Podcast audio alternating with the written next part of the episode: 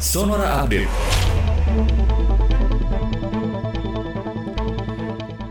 Indeks harga saham gabungan ditutup menguat pada perdagangan awal pekan ini.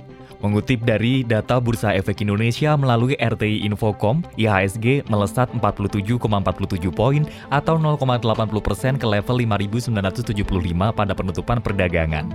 Sepanjang perdagangan, IHSG bergerak di zona hijau. IHSG dibuka di level 5.942,10 dan bergerak dari rentang 5.941,92 sampai 5.985,37.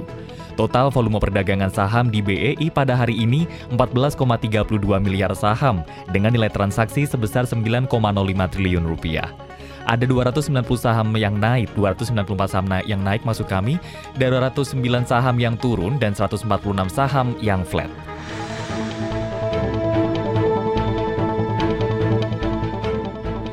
Menteri Kesehatan Budi Gunadi Sadikin berencana menggencarkan vaksinasi COVID-19 setelah Hari Raya Idul Fitri. Ia optimis Indonesia bisa menyuntik vaksin untuk satu juta orang per hari. Menurut Budi, stok vaksin yang ada cukup untuk mempercepat proses vaksinasi demi menciptakan kekebalan kelompok atau herd immunity.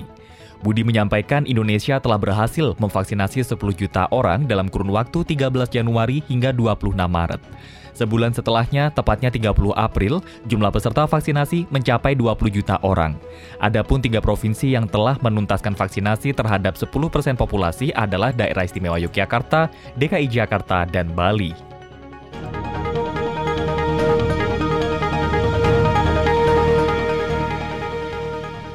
Menteri Pariwisata dan Ekonomi Kreatif dan Kepala Badan Pariwisata dan Ekonomi Kreatif Sandiaga Salahuddin Uno mendorong pengembangan sektor pariwisata dan ekonomi kreatif di Kabupaten Nganjuk, Jawa Timur sebagai upaya mempercepat kebangkitan sektor parekraf yang terdampak pandemi. Sandi berharap pemerintah daerah dapat berkolaborasi dengan stakeholder pariwisata lainnya untuk meningkatkan event berskala nasional bahkan internasional serta menggali potensi yang ada di daerahnya baik dari seni pertunjukan, event-event daerah, kuliner, desa wisata, hingga peningkatan dan penampingan bagi para pelaku UMKM serta pemilik homestay.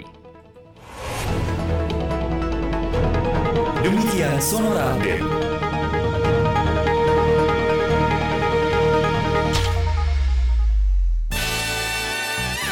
Stay tuned on Sonora, a part of Kagi Radio Network.